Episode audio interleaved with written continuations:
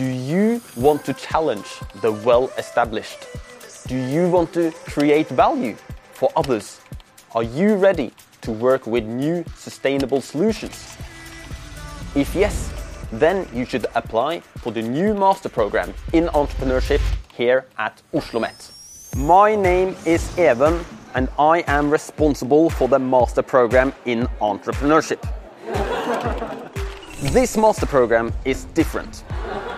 Students with all types of bachelor degrees can apply, and all students must create their own company or innovation project.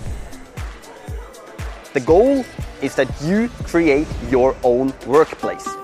The master program in entrepreneurship is the most flexible master program at OsloMet because you can choose elective courses from all over OsloMet.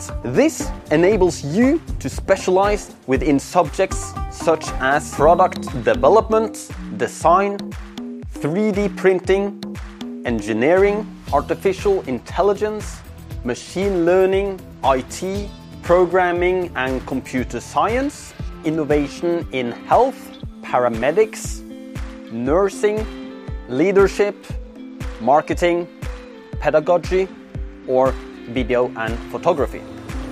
I would then like to challenge you to take this opportunity and apply for the new master program in entrepreneurship here at Oslo Met.